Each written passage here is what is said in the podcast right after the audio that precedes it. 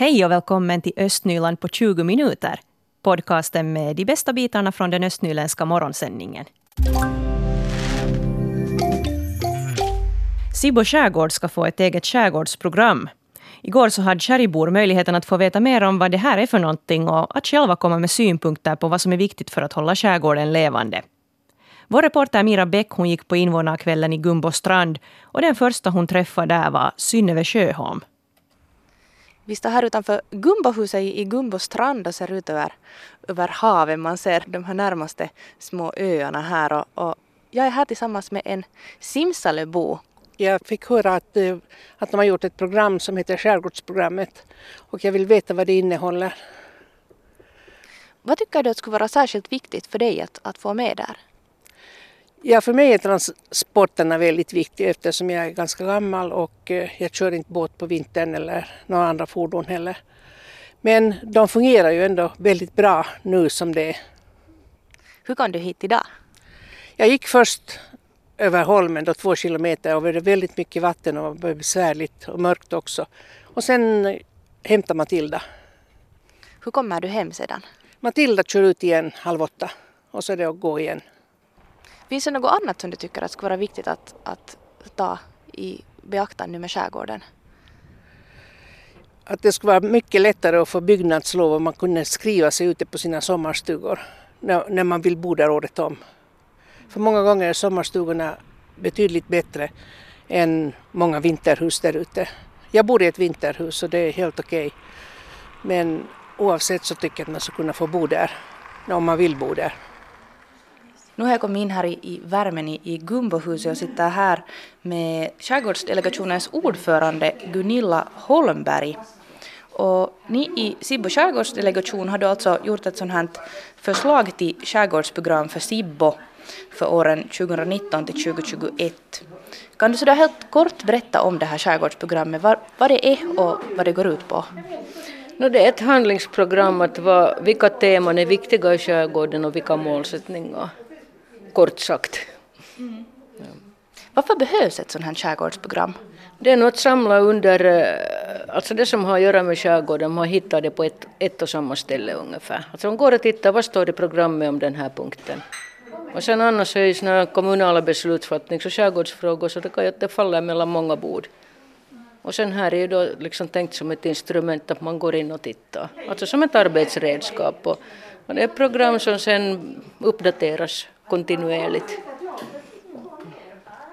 Det här skärgårdsprogrammet är nästan 30 sidor långt och ni tar upp många olika saker. Och skärgårdsdelegationen ger också lite förslag där till hur man tycker att man skulle borde göra med, med olika frågor. Finns det några centrala frågor som du tycker att är särskilt viktiga? Nu är det ju invånare och, och sen liksom den servicen finns där och sen den här potentiella framtiden. Att hur ska vi kunna ha en levande skärgård i framtiden? Det, att det går att bo och bygga. Och det här hänger ju ihop. Och sen att man kunna röra sig till och från. Det är sådär stora drag. Men att nu är ju syftet med det här mötet ikväll att uh, folk har möjlighet att kommentera och lyfta fram och kanske då de här tyngdpunkterna sen ändras när vi får liksom mera uh, genmäla av alla invånare. Göran Martin, vad var det som fick dig att komma hit? No, det intresserar det här vad det ska hända med Sibbo skärgård. Jag har en sommarstuga och är hemifrån en holme här ytter Söderkullalandet så därför är jag här. Så du är gammal kärribo själv? Precis, gammal kärribo, just det. Byggnadssaker intresserar för det har varit jättesvårt att bygga någon sak, att det skulle bli någon klargörighet i den där saken, att vad får man bygga och vad man, man inte får bygga. Och så kanske vatten och avlopp är en viktig sak transporterna till, från, från Holme till Holme och till fastlandet skulle vara bra, sådana saker. Och också avfallsservicen skulle också vara bra att ha. Hur mår Sibbo skärgård just nu, just med tanke på, på service och, och annat? No, jag tror nog att Sibbo skärgård mår ganska bra sist och slutligen. Att det där. Alltid finns det saker som man vill klaga på men så överlag så är det nog helt okej. Okay. Och det är ganska bra filis mellan människorna liksom i, i, i skärgården så jag tror att det är ganska bra. Och alltid går det att utveckla. Därför är vi ju här. Och det sa Sibbobon Göran Martin. Om man vill bekanta sig med förslaget i skärgårdsprogram så har vi en artikel om det här på vår webbplats. Och där finns också information om hur man ska göra för att ge sina egna synpunkter om programmet.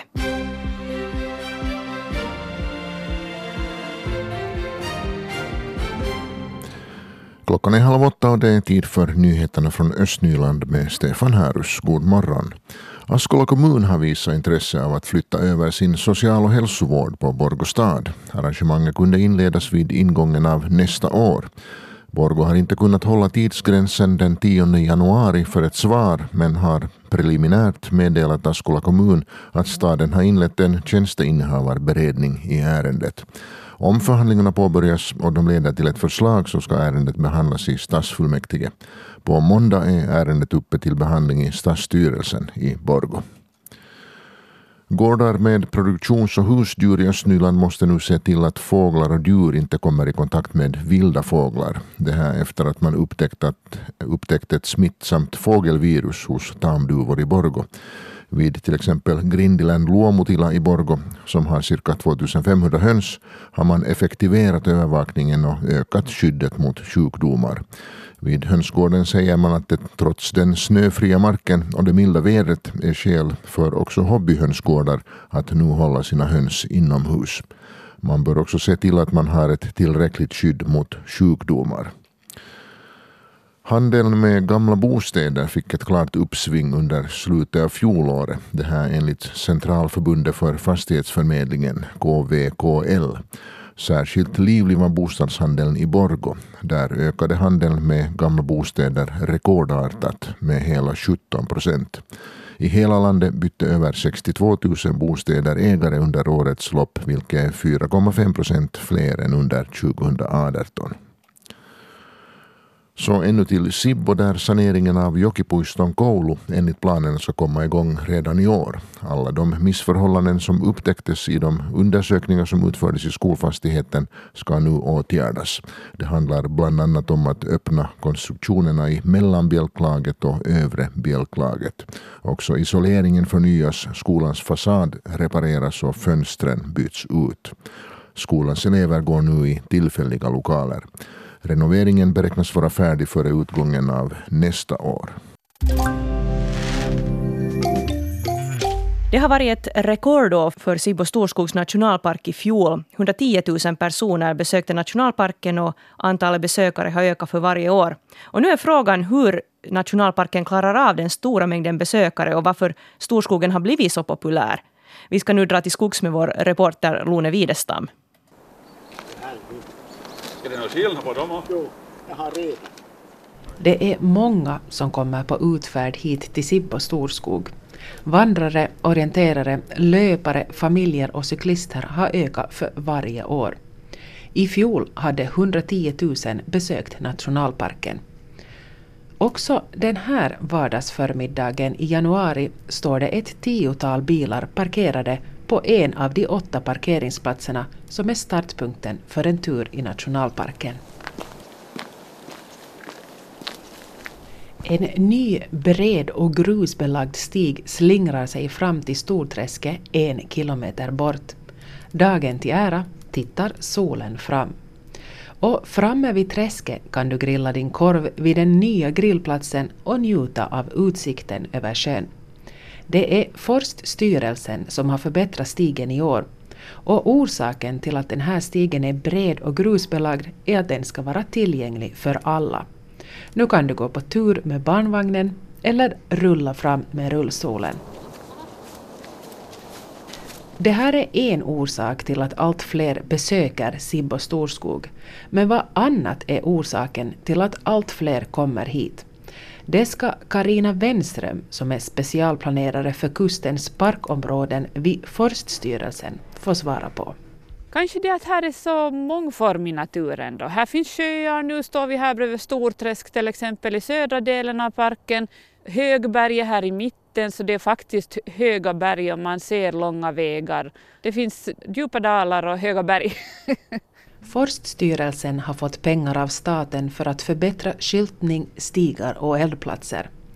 Tanken är också att göra fler stigslingor så man kan gå en längre runda istället för att gå samma väg fram och tillbaka. En annan orsak kan ju vara det helt enkelt att Noks som är där i, i, på västra sidan om Helsingfors så, så börjar bli lite full. Vissa upplever att där är kanske mera människor än, än vad de skulle vilja möta när de är ute i skogen. Och, och de be, har kanske sökt sig hit till Sibbosidan istället. Wenström är glad att så många har hittat till Sibbo storskog. Besökarantalet visar att nationalparker behövs och att de är viktiga. Hur klarar då Sibbo storskog av den stora mängden besökare? Än så länge nog ganska bra. Och vi har ju sam, gör förstås samarbete med våra biologer och, och eh, forskare och där var det finns känsliga områden med några speciella arter eller känslig natur så, så dit byggs ingen service just för att inte styra massorna dit. Där var stigarna byggs så de är oftast sådana platser som sen nog tål besökarmängden.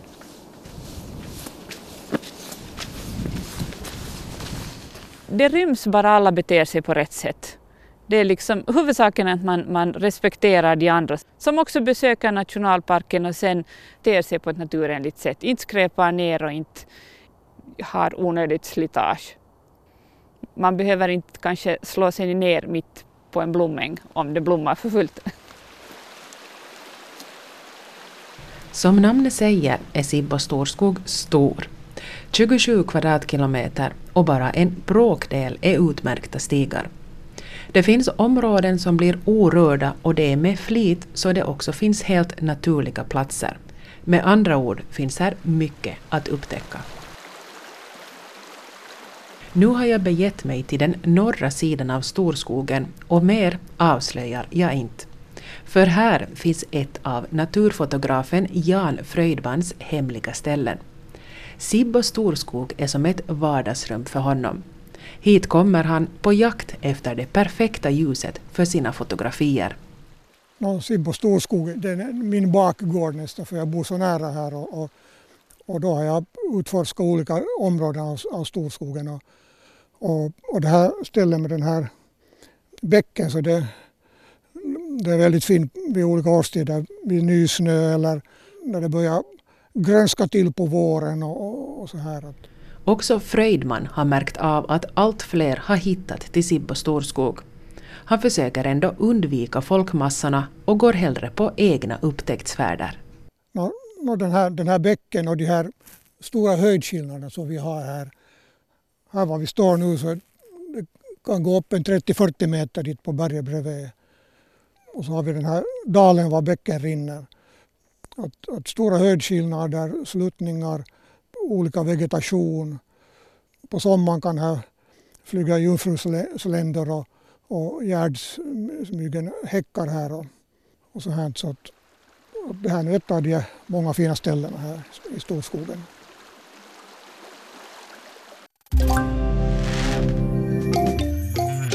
Parkeringssituationen vid Sibbo storskog upprör både lokala invånare och besökare.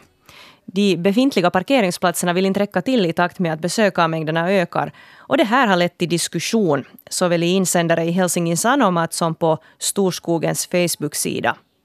Eija-Liisa Koivu från Helsingfors är en av de drabbade besökarna. Hon berättar om när hon besökte Sibbo Storskog under mellandagarna for dit med min kompis, eller vi hade träffis där på eftermiddagen och vad heter det, jag var, jag var lycklig och, och glad jag hittade en plats. Det var just en, familj, en bil som for från den där parkering där det var åtta eller tio plats och en for och jag fick min bil dit. Men min kompis var, var framåt den där vägen och, och han hade parkerat där vid vägkanten och, och, så märkte vi att parkkipete kom just så sa han att nej han kan inte lämna dit och han måste kolla vad han hittar på. Så där och körde bort. Och det var ju vägkanten var full med bilar. Och så var det faktiskt tråkigt att, att parkkipete gav böter åt flera, flera bilar där. Och det var faktiskt liksom så lite, de där platserna, det är ju 8 plus 10 där, så att det var stort problem att, att människor sen som kom från sin vandring och, och hade varit där ute och, och vandrat och, och, i parken, fina parken, så de fick en, en jättetråkig överraskning då de kom tillbaka. Och vilken parkeringsplats var det här? Kalkioniti är det säkert. Och det är ju de där platserna, de är ganska nya de också. Jag har varit dit förr också, men de här åtta och sen det där andra är tio plats som det finns. Men det där 18 är ju alldeles för lite. Och det var nog, jag märker också där vi, äh, på vägen, där vid vägen, så där var ju en skylt att parkkipet är liksom är och kollar. Men det var ingen skylt att det skulle finnas en större parkeringsplats någon annanstans, så det var lite tråkigt det också. För efteråt har jag läst att det finns faktiskt en stor parkeringsplats någon annanstans. Vad tycker du om allt det här då? No, jag tycker det är fräckt. det tycker jag faktiskt är fräckt. Att det, den där parken är ju jättefin, de har satsat på det massor och, och trappsteg och allt möjligt och skyltar är bra där i skogen. Men det här att människorna kommer och man borde få liksom gratis eh, gå ut i parken och njuta av, av naturen och så får man böter för det att man kommer dit med egen bil. Och, och det finns ju inte sådana bussmöjligheter att man kommer dit med bussar eller något, att man måste nästan ha egen bil då man kommer dit. Så det är nog faktiskt fräckt att, att man lär barn till exempel att gå ut i skogen och allt sånt. Så det borde ju vara sånt som absolut skulle vara gratis och, och möjligt åt alla. Vad tycker du att borde göras åt det här? Jag förstår ju människorna som bor där, att plötsligt är det mera och mera bilar som kör på deras privatväg, det förstår jag bra. Men vad heter det, inte är det människorna som kommer dit som borde betala det där kostnader, utan större parkeringsplats, eller sen att den där privatvägen kanske de skulle kunna be lite pengar från Sibbo eller Vanda kommun eller Forststyrelsen eller, eller varifrån de skulle få pengar. Men inte det att de tar en privat parkipete dit och, och vad heter det, ger böter åt de människorna som har varit där ute. Du tycker inte att det då är Forststyrelsen som äger den här skogen som borde se kanske. till att det här åtgärdas istället ja, för väglagen? Kanske, kan, jo, kanske något sånt att, att de skulle liksom sköta om det att det skulle faktiskt vara möjligt åt alla. Att större parkeringsplats säkert, eller sen just det där att de skulle sköta om den där vägen eller, eller något sånt. Men inte de människorna som far dit ut och njuter av, av naturen, så är inte det de som ska betala. Helsingforsaren Eija-Lisa Koivu hörde vi här och det var Hedvig Sandell som intervjuade henne. Den här usla parkeringssituationen kommer ändå inte som en överraskning för forsstyrelsen. Enligt Sibo Storskogs parkchef Harry Karjalainen så har besökarmängderna helt enkelt ökat i snabbare takt än parkeringsplatserna. Och under det senaste halvåret så har det också kommit nya parkeringsplatser på fyra olika ställen runt nationalparken. En i Landbo i Helsingfors och en vid Kalkungsvägen och Flatbergsvägen i Vanda. Dessutom har det öppnats en ny förbindelse till nationalparken från friluftsområdet vid Hanaböleträsk i Vanda. Karjalainen säger ändå att eh, Forsstyrelsen fortfarande försöker öka antalet parkeringsplatser vid Kalkungsvägen och att de dessutom för diskussioner med Sibbo kommun om att samarbeta kring fler parkeringsplatser. Han påminner också om att man ska kolla på webbplatsen lånton.fi för uppdaterade adresser och bra anvisningar för hur man kan ta sig till Sibbo Storskogs olika parkeringsplatser. På vår webbplats på svenska.yle.fi östnyland har vi en artikel med rubriken Livlig bostadshandel överraskade förmedlarna. Borgo uppvisar rekordsiffror. Fredrika Sundén, vår morgonreporter. Berätta allt! No, ja, det är tydligen så, om jag nu tolkar de här siffrorna rätt, att Borgo är den stad där det har ökat mest, den här handeln med gamla bostäder, med hela 17 procent. Och den har varit särskilt livlig alltså här i Borgo, den här bostadshandeln. Om man sen då jämför med Helsingfors, Esbo och Vanda, så där har tillväxten varit 10 procent i fjol, så att lite, lite mera i Borgo. Och sen har också andra orter, eh, sådana kanske oväntade orter, visat ett uppsving där, till exempel Seinäjoki och Uleåborg och, och Jyväskylä. Eh, alla slag av gamla bostäder tycks gå åt just nu eh, i, Finland. Så där. Det var ju en tid som det stod ganska stilla och, och speciellt om man hade något egna hemshus som man försökt sälja så, så var det inte kanske så lätt eh, på landet alla gånger. Men nu har efterfrågan på egna hemshus ökat med 6 procent, efterfrågan på radhuslägenheter med 4 och lägenheter i flervåningshus med nästan 4 procent. Så det är ganska fint det. Ja, och den här livligare bostadshandeln i huvudstadsregionen syns också där då i försäljningstiderna. Mm, det går snabbare kanske att få, få eh, en bostad då, eller att få sin bostad såld, ska vi kanske säga. Eh, det har blivit kortare försäljningstider. Eh, en lägenhet i ett flervåningshus säljs på cirka två månader, medan egnahemshus säljs på cirka tre och en halv månad i genomsnitt. Och det här är då siffror som, som Centralförbundet för fastighetsförmedlingen, KVKL, har kommit fram med är här. Men eh, däremot så om man nu ska eh, säga något negativt här i den här statistiken så eh, har intresse för nybyggda bostäder minskat. Försäljningen av nya lägenheter har minskat med 4 procent i fjol. Så att det är kanske mera de här gamla bostäderna som lockar. Låga räntor och ökad sysselsättning ligger bakom den här livligare handeln, säger de här. Östnyland på 20 minuter är en Svenska Yle-podcast. Det finns flera poddar på arenan. Jag heter Katarina Lind. Tack så mycket för sällskapet. Vi hörs.